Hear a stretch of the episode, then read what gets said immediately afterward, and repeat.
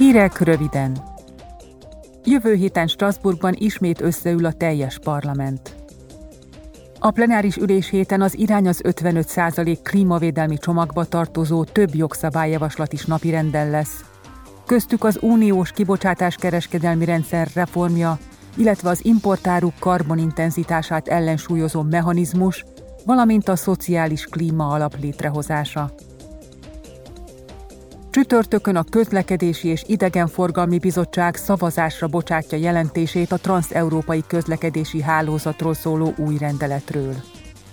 A képviselők a rendelethez sok módosító indítványt nyújtottak be, a társ előadók, az árnyék előadókkal folytatott egyeztetéseket követően ezek alapján készítették el az átfogó jelentéstervezetet. A várakozások szerint a szakbizottság a jelentés alapján zöld utat fog adni az intézményközi tárgyalások megkezdésének.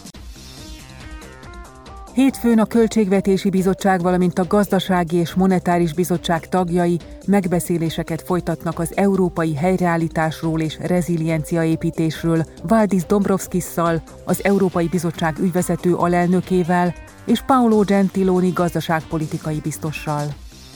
A helyreállítási eszköz létrehozása óta ez a tizedik ilyen párbeszéd a sorban. Az egyeztetésen várhatóan szó lesz az uniós energiaügyi Repower EU terv beépítésének előnyeiről is, amelyek a tagországokat az Oroszország által Ukrajna ellen indított háború következményeinek enyhítésében is segíteni fogják.